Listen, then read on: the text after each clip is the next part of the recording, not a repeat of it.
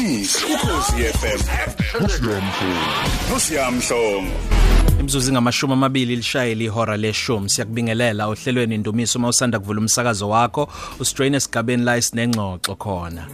Owayegcinile ukufika ohlelweni Indumiso ezofakaza ngempilo yakhe usisi uCinderella Mahlalempini usisi uSindi owafakaza. Abantu abaningi babuthanda ubufakazi bempilo yakhe sixoxela ukuthi kwakunjani eh, ezalwa ingane yabafundisi aba abadume nabahlonishwa kangaka ubaba nomama umahlala empini base Clermont mhlambe indlela obukeka ngayo njengengane zamfundisi ebandleni nasemphakathini nokuthi wena uba ngaphansi kwencindeze enjani eh mawukuthi kumele uphile nje kodwa bese kuthiwa hayi wena uyingane kamfundisi. Wasitshela futhi eh ngezakhe eqale emabhizinisini emincane kakhulu ephumelela. Waphinde futhi walahlekelwa yikho konke kodwa wambona uNkulunkulu. Uyavuma futhi ukuthi uNkulunkulu benaye sonke lesikhathi emaphutheni akhe. Uthi ke indlela azilungiselele ngayo ngekusasa enoNkulunkulu esefunde izifundo liyamangaza namhlanje sinalona wesiliso samncane ngokuzalwa owase Cedarville Eastern Cape kuthiwa nje ama kilometer awu24 eh ngasematatiyela eh mina ngaqala ukukhuluma naye ngisasebenza kulo yamsakazo lo ya eh kwinkomfa yamadoda la yababebuthena lana khona eplazini. Konje liphi lelo plaza eh se Great Town iplaza lakhona is called eh Shalom. Shalom. Eh enyinsizwa nje ekhehla lomlungu nibizwe ubaba uAngus Bakhini ningamadoda. Eh uqhizimintshisi lo baba nizokhempa nidumisa uNkulunkulu nje ningamadoda lalela bengiqala ukubona amadoda mhlongo behlangene ngokukaNkulunkulu ngoNkulunkulu egameni likaNkulunkulu hey yawutshela. Leli phimbo mlaleli mhlambe uzolikhumbula kwingosi eyayisohlelweni ndiza nathi eh ohlelweni lika Mroza noSibub Thelezi ngoba ubengena nefeature. Wawungena kuyiphi ingosi? Eh ngangena kwingosi hey kunje kwaku ngangikhuluma ngezolimo. Ngezolimo. Yes eh youth youth in, in agriculture.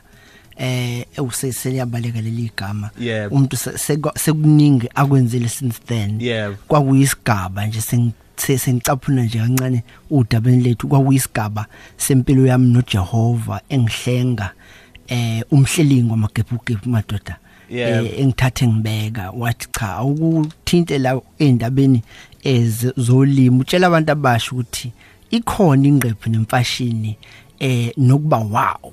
Igqoke namabhuzi eplazini. Eplazini. Yes yes yes kwako mina ke lapho nisahamba leya camp okwaba iminyaka emingaki emithathu noma emini kusho ukuthi kwaku wayenza iminyaka esikhombisa mina ngayifica isikuye number 3 or 4 3 or 4 yeah. Sex or sexele i think 3 or 4 yeah. La saqala khona ukuthi si sihlangane. Kwakuqoqelana amadoda esilinganisa singakanani lapho isibalo? Ngiqala mina aye u 60000 60000 yeah? Then the following year it went up to 250000 then egcina ay isimangaliso madoda amadoda athanda uNkulunkulu half a million. 500000 yes. Awamadoda ngiyazile nengxenye yakho ungimema khona ibandla lise Hillcrest kwakune breakfast ngithi kwaku 2009 2010 kwakune breakfast lamadoda futhi. Kunjalo. Eh leli ke kwakukhona uPeter Pollock. That's right. Beno Sean Pollock. Yes. leli bandla selibizwa ngeCity Hill ngaleso sikhathi lalisabizwa ngeHillcrest Fellowship. Eh, Church Hillcrest Christian Fellowship kunjalo. Yebo kunjalo. Cha kade sazana mhlawumbe waphinde futhi wasebenza icathulweni udayisa icathulo mpona. Ngingayidayisike mhlawumbe uyimaketha. Ngiyenza PR ngenza yonke into. I i i owned it so much that people thought umpono udesigner icathulo zamantaliyani kanti cha uJehova wangipha intaliyani lafika lana lathi mpono unekhono mfana kithi awuthathe la ukubeke nje ezingeni. Hawu ngenza njalo ngaduma nje kwayimanga ngiduma ke eThekwini ke lapho siya abantu bethi awunanga umpono oyicathulo. Eh nangumpono othunga icathulo zase Italy. uNkulunkulu ukubeke igabeni eziningana sizofika kulesi osokuso manje njengomsebenzi. Kodwa ke sibuyele emuva ematatiyela. Ah. Awukhumbule nje umfana ona 9 10 Hey. ematatiyela? Awu. makuyisonto ekseni ngalezi ikhathi ukuthi kwakwenzakalani? Ntambama kuzopholishwa icathulo kulungiselelwe esikoleni. Mawukuthi zazikhona icathulo ezalwa ngobani njalo? Eh uzalwa uNombulelo Virginia Mpono eh noDumsane eh ngakithi eh, ebholeni babemeza ngoBradums mm. eh wakamasabalala. Insizwe leyo eh eyangizala. I'm of his seed. Em ngizothi njengoba ngibuza siya ukuthi osematatela okuphi kuplay khona othi mina um at that time you know it was a saturday morning uh, saturday evening. At 5 o'clock bamphuthumisa uma wami nombulelo eh to Emran Hill lapha eh at that time they called it St Mary's a, a hospital. Kusayiyona. Kusayiyona. Yeah. Eh ngaleyo nkathi ke kwakhona ingqwayi zonesi. Hayi le esikho hayi lento esikhona namhlanje. Kodwa ngikho lapho. Um ngo past 6 in the evening 1800 hours and 30 minutes. Yayisizalo lensizwa asilungise asilungise mpono asilungise. Siyenze kahle ngoba em asifuni kube nabahlengikazi mhlawumbe abazo abazolimala. Uqonde wena ukugcizelela izinga lokusebenza ngokuyikhandla okuvelele mhlawumbe ongasavamisile ukukubona manje. yes yes yes. Bengiyalapha impela bengiyalapha beqonqo asibuyeleke umama afike eMaranhill ewafika kwathiwa cha lo mntwana lo eh fanti eh sikuhlinze wathawu kanjani? Wathayi ungathi usheshe wafika kumhla 30 July 1983 ayike benze lokhu amangisa athi C section eh ifundiswa ke nina nifundile ke siyaniyazazi lezi zinto. Em kasengizalwa eh ngithi khaphu 3 months 3 to 6 months into my birth. Em nga ngagula kakhulu. Kanti that time uma weza wasuka eMount Fletcher wayesidaville weza eThekwini between 1970 and 1975 ezofuna umsebenzi kwayima eqala esebenza ekitchen efuna ukuthi ondle ekhaya umamgwena ugogo no no Max usigenge ikhehla ke lelo. Em wazalwa mina ngo83 esebenza kwabanye abelungu abenza mlalela ukuthi ngisikhiphe isingisi ngalendlela engisikhipha ngaso. Ngiyaphi na? Uthi ngitomule. Sometimes i-circumstance nesimo salo okuzalayo uyazidela ukuze akhele wena iplatform ukuthi ube utho ngidlule kancane. Eh ekuzaleni kwami kwakhona unesi umhlengikazi kulo mndeni wabelungu. Aba ayesebenza kubona lapha eWestville. Eh bangithatha bangisingatha kwamhlongo bangenza owabo. Lesikhathi sesobandlululo ngingena ngiphuma eh kwibhedlela nama nama rest doctor lo muntu. Lona umnyama lona isikhatsini ngabe ma wakhe ugane umlungu kanti cha. Kwaqala ke igrace kaJehova empilweni yami. Ngagula siyabonga. Eh kwaphoqa ukuthi manje kungenelele abesintu empilweni yami. Ngikholwa nginje. Eh uh, we can never afanele sikhohle ukuthi singabantu. Then masikhuluma ngamadlozi zonke lezi zinto lezo ngoba sisasindiswa sikubeke ecaleni akumele kwenze lokho. Ngasiwa kumthandazo ole ecaba deep eastern cape. Wangigoqa siyabonga. Sengithwethuliwe mfethu. Awuyangolahlo cha. Eh. Wangigoqa uyakwazi ukulahlwa? Eh soyithinta le. Wangigoqa ngengubo emhlophe you know. Wangwathe mangigoqa wathandaza 3 days till this very day ngisafuna ukuthi ke ngithathe lo ongakimi onhliziyo ngiyothi ubona nginje lo mama wadlala indima. Ngiyombonga nje. Mm. Eh ngangisengithule ngiyisidumbu nje. Waphila mpona. Oh ngani? Ngumkhuleko nangomthandazo. Bayaphila abazali bayaphila mfowethu. Basaphila. Awusala nibangaka ekhaya? Eh eh ngoba uya African so kubaba. Mm. masabalala ubaba uDumsane. So 11 mina ah. mina ngingowes4 yeah. ulo 11 kuma? Kuma eh umamnombulelo em so 3 sasibathathu. Kwasho ukuthi ke ngo2010 eh sehlela umshophi lapha ekhaya umfowethu lo olama mina ukhaya Clifford mm. wahlula uNkulunkulu wambuyisela kuye. Sesibabili ke yimi nodadewethu uphumeza. Eh ukhulu bufisa kuba yini nje mfowethu? Ufunde kuphi ke ufunde ngapha kwaZulu Natal noma ufunde khona le eEastern Cape? No ngifuna ngizalelwe la eKZN ngafunda khona oh. sengisebenza khona. But akaze makuthiwa who are you? I always say it ku Brian Busisompono wase Sidaville ngiyakuzwa that's where i come from. Ngiyakuzwa yes. Wawufisa ukuba yini ke nje into awuyibona uvelela kuye mawusumdala yazi siyabonga. Namlaleli kangazi ngikutshela nje iqiniso nje engaxotshelwa lutho ukuthi ngangenayo lento ukuthi one day ngifuna ukuba udokotela ngifuna ukuba no ngangenayo ngangiphila nje ngokwe grace mm. eh yabona ngithi ukungena nje i schooling life ku get me ready preschool lapha eSydney ngasuka khona ngaya eSpearman Road which is just across ngahlala khona 6 months ngase sasuka ngaye Winston aqala ke eWinston Park. Umuntu omnyama oqala nenye insizwe yakangcobo who's my friend of 27 years ulindani umafuza fulelo umfowabo mapholoba eh eWinston Park Primary School. La ke ngathola khona ke eh, ama tenants ama tenants of ukuthi what does it mean uba nama manners nokuyiphatha kahle? Yabona? Ekhaya ekhaya khona ubufundiswa eziphi imfundiso ezikhumbulayo zikamano baba? Mhlawumbe ngoba ngiyayizwa nendaba kaNkuluNkulu ayiphelo limini lakho. Lezo mfundiso zokumazisa nokumesaba uNkulunkulu. Eh wethu ngiyakhumbula as if it was yesterday. Every sunday. In fact bengisanda kuposta nje einsukwini ngithi mina eh amadodana asewisile eh am methodist by birth. Yeah.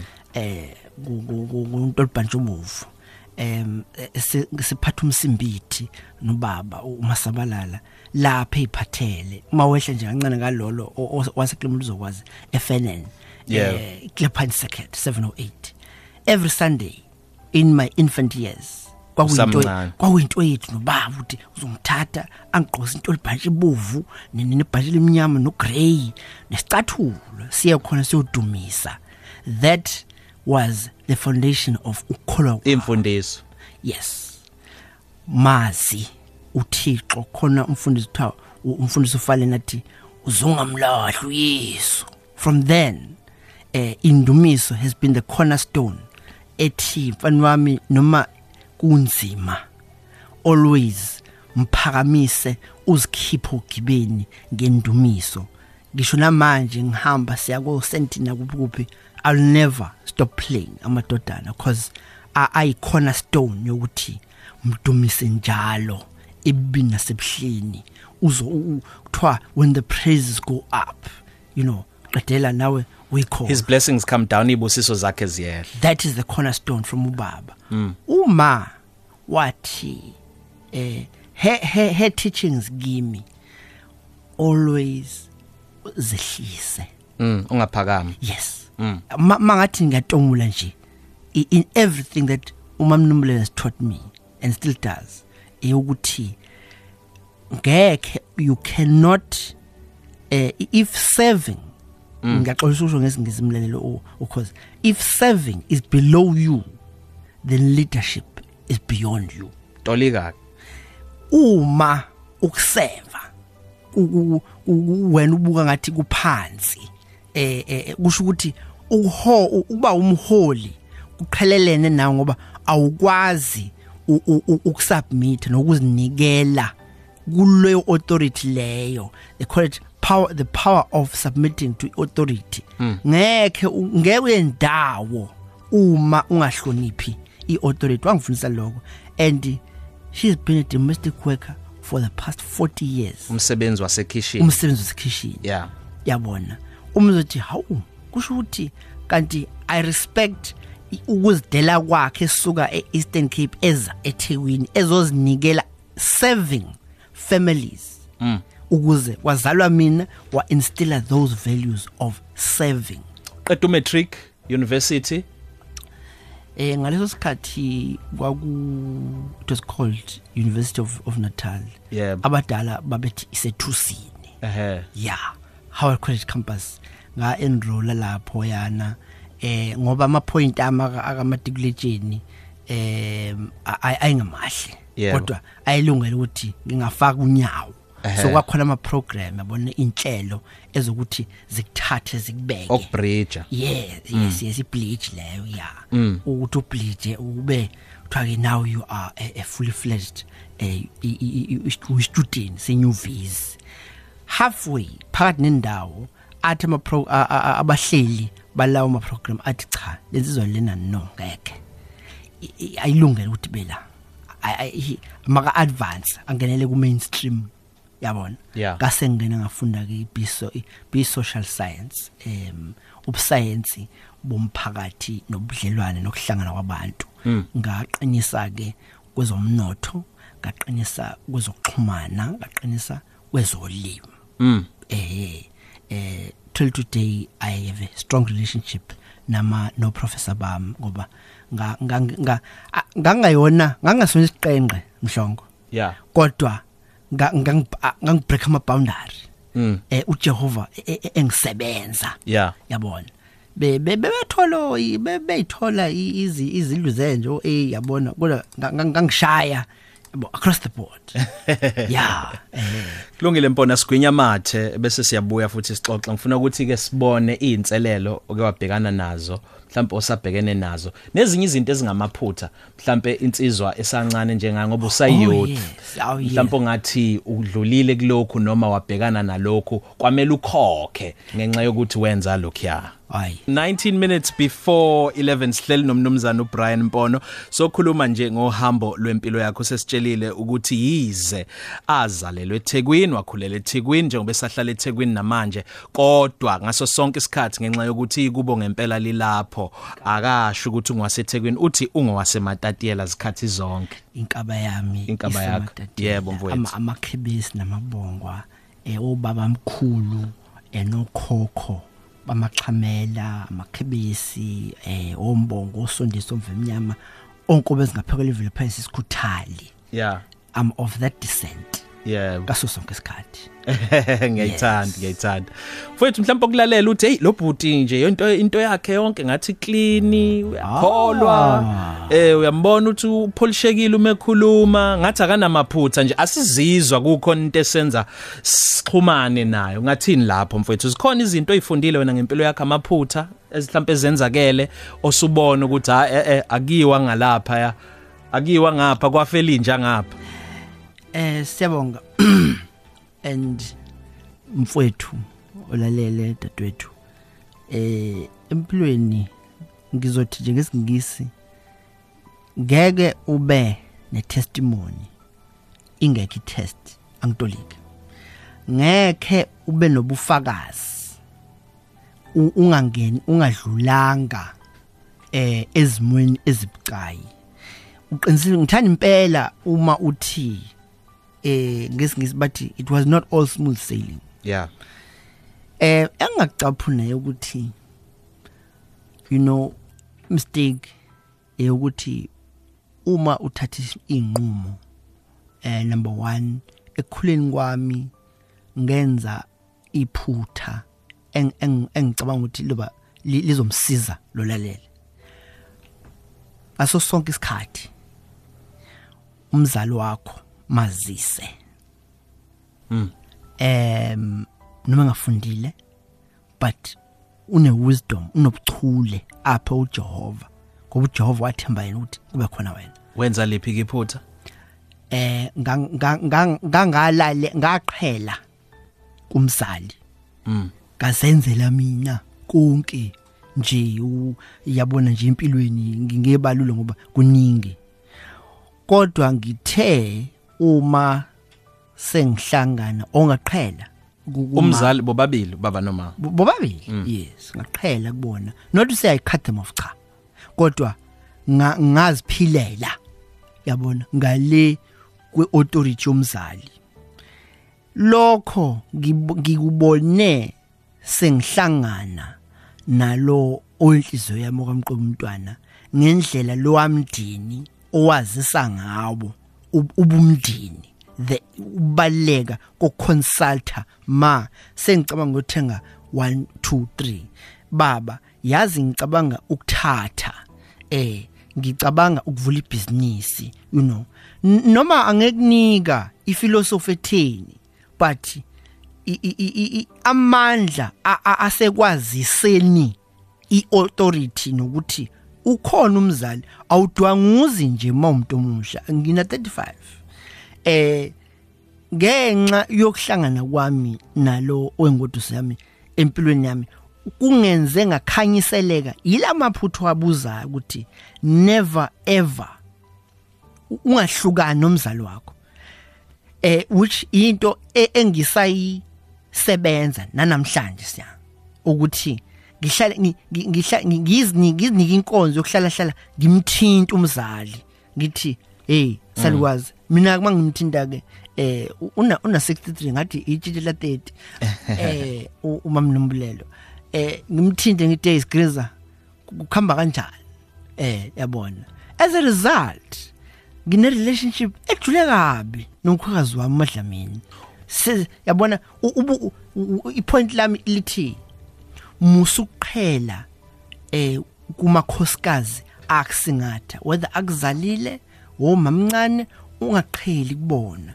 Because kune wisdom innate ngesingisi uJehova baphe yona ukuthi bakunikeze ekukhuleni kwakho. Akudingi incwadi akudingi university.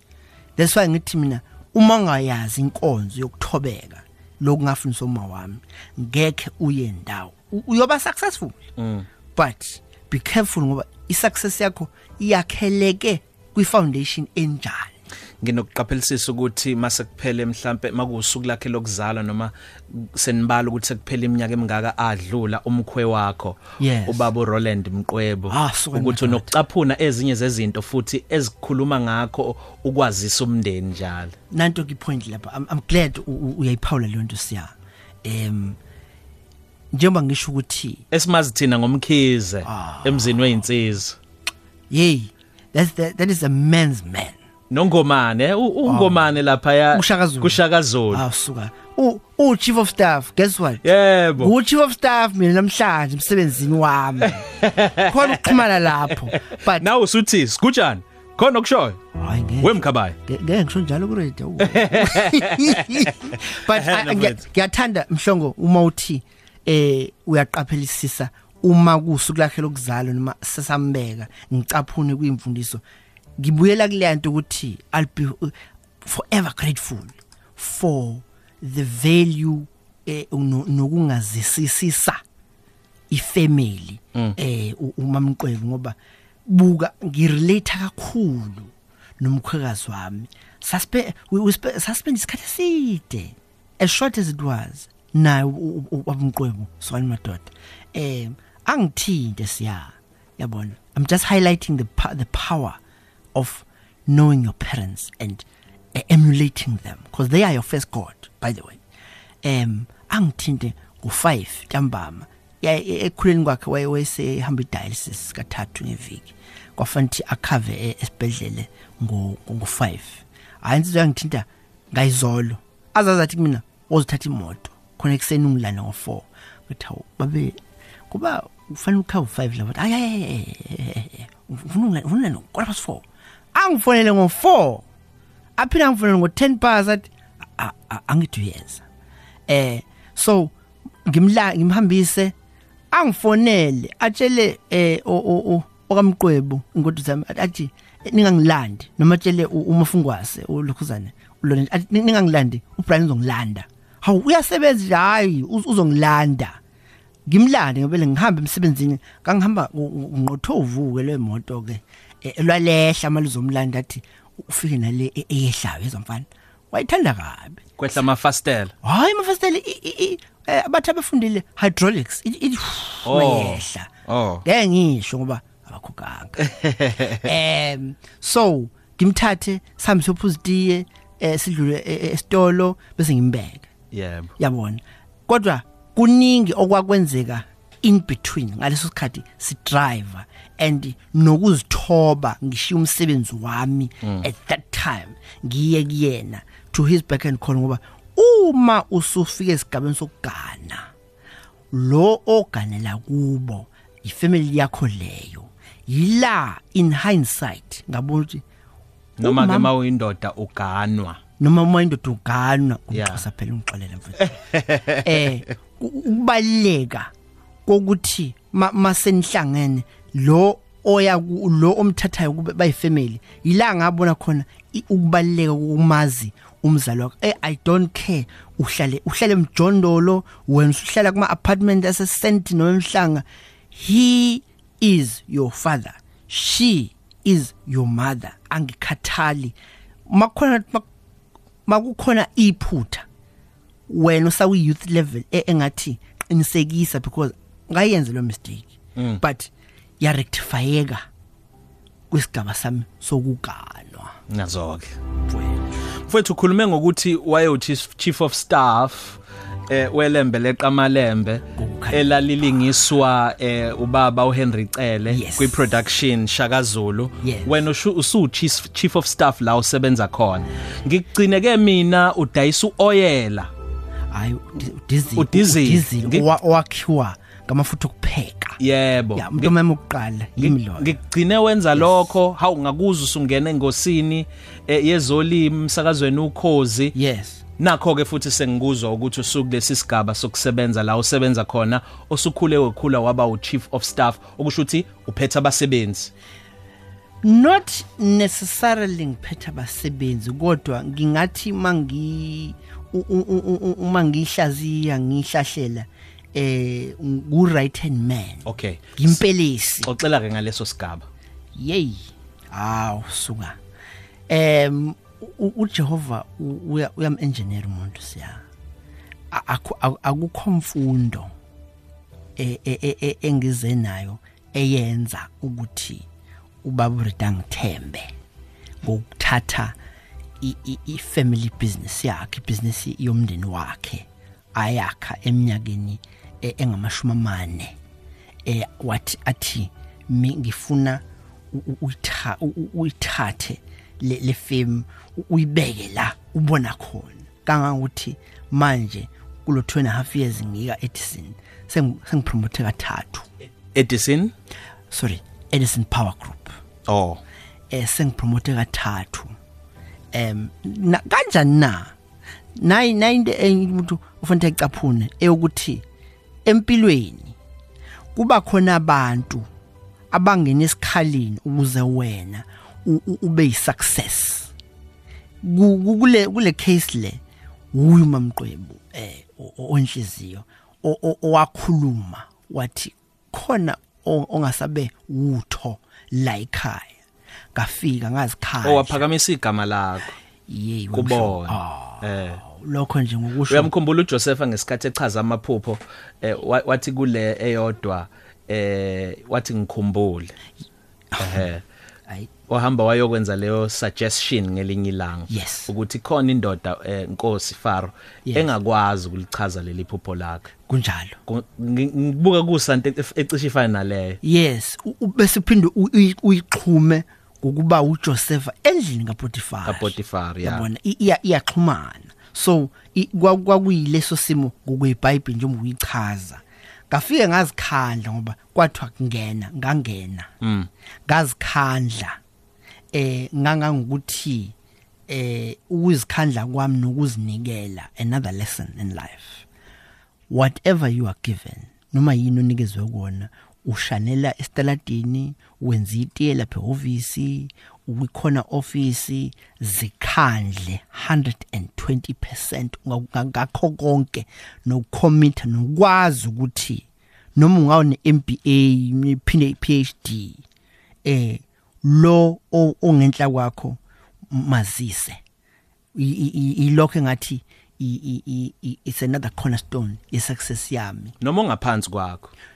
Ngiyehla njalo. Ehe. Angithi ngithe ongaphezulu. Ungaphezulu kodwa kulesson lekama ukuthi server noma umholi server from usecurity esangweni uzuyofika ku reception nalo mama lo wenza iti ofika vela athi emntanami ngingakuthelela okuphuzwayo. Bazise labo bantu ngoba imisebenzi yabo ibukeka ingelutho. Kepha makuthiwa umam Grace noma umam Mavis akekho wobona ngisho ubasomkhulu umana Peter Nikhanda kusho ukuthi itiye lami leli elenzwa ngaleya ndlela emenza ukuthi antshentshetheke boardroom akalitholi because lo wenza umsebenzi ongelutho. Akekho. So in across umncane umdala ufundile ongafundanga enye ilesson engafundiswa uma wami mazise umuntu ngoba ngeke wazi kusasa ukuthi mhlawumbe uyomfica engapha kwedesika lo lokuhlela ama interview sekufika wena kuvuka ukuthi kambe yabona. So kwesithathu wesesithathu isigaba la ngikhona eh sokuthatha ke manje iEdison Power ngifake eAfrica manje ku kunama responsibility e, e, engeke nganikezwa wona khona Edison engiwenzile amaphutha kuwo. Ayikho into ebalekile njengokuthi mawonile uphumule endleleni uzehlise uthi and uthathe responsibility i'm sorry. I'll, I'll I'll do it a different way kusasa. Manje muzokuphakama uthi no i know. Uzoba nenkinga. Mm. uzoshesha ushayeke. Mm. zithobe. Uzehlise. Wazi ube unot ngaso sonke isikhathi. Lithi iBhayibheli lithi if you humble yourself by the side of the Lord he will lift you up. Mm. wangaba wangaba humble. Ayibandla okay usebenza manje eh, nenjinga yaziwayo eningizimu Afrika yonke uVivian Red njengoba usho ukuthi ulapha eEdison Power Group. That's right. Ngempilo yakho kodwa uyawuthi uma uyicabanga ufuna ufuna ukwenzani? Abantu ufuna ukubathinta kanjani? ngokukaNkuluNkulu iministry yakho njengoba kulezi zama business ufuna ukwenzani? Um mhlawumbe into engafundwa nje engasekho umpono kungathiwa wenzani makukhulunywa ngelegacy yakhe? He inspired. Mm waqoquzela yes. ngempilo yakhe. Wa yes. Impilo yami ngiyofisa ibe iBhayibheli kubantu kusasa ukuthi batomule eh no, no sorry not iBhayibheli kodwa bafundele kuyo mm. ngoba kukho konke eh engikwenzile angikaze ngithi draw from i-reference yemfundo engayithola e-university or yemfundo engayithola e-high school or primary.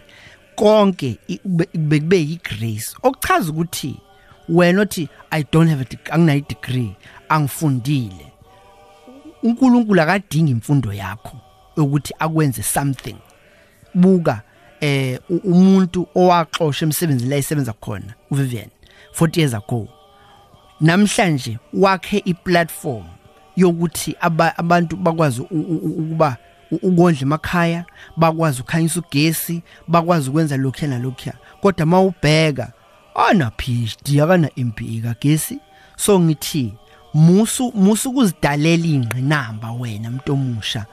Kanti uNkulunkulu kuhlelele okunye. Khona othi sibe sibe singayibukeli phansi futhi imfundo nokubaleka kwayo. Singayibukeli phansi. Sengisholo ukuthi lo ongenalutho mm. angayibeki imfundo ezingqinamba. Lo ofundile akayisebenziseke leyo mfundo. Ukwenze njani? Ukimpact njengoba ngenza nje. So makuthiwa umlando kaMpono eh ngo2014 umamqebu wangethi igama lithi iMaverick umuntu ongena anganaki enze. So makuthiwa ilegacy kaMpono mm. Wathinta impilo zabantu abasha. Mfethu siphelile isikhathi sethu. Oh bekumnandi sindawonye. Utholakala kuphi? Khona email address? Mhlawumbe khona umuntu ofuna ukwelulekwa nguwe. Mhlawumbe ube yimentor angazi. Kusho ukuthi ngikhona lapha einkundleni zokuxhumana. Kulula kakhulu akunamcubulisho letheni. Lapha ku Facebook uBrian Sibusiso Mpono eh ku Instagram ku Brian Mpono. Eh uTwitter ke uya uyangilimitha uvela uthi 160 characters kanti uJehova kuningi akubekile impilo yenyama eh ubhala impela uzwakala noma ukhuluma ukuthi awuvela awuvela ufike nje uqala usha. Hey wempono avufana no nenjinga yase Nigeria umnumzana uAliko Dangote. Yeah ngathi nje uyindodana yakhe. Bengifa abantu bengimisa e, e, egoli this week ngoba bekhona inkofi bikhona bithathe injinga nopolitiki baseAfrika bengimisa bethi ungabe uhlobene noDangote nakububu uNkulunkulu lapho ke okuchaza ukuthi yinkomba zokuthi uje uzombekaphi hayi uqedile mfethu sibonge kakhulu Mr Brian Bond mhlawumbe. Indumiso ukhosi FM nosiyamhlongo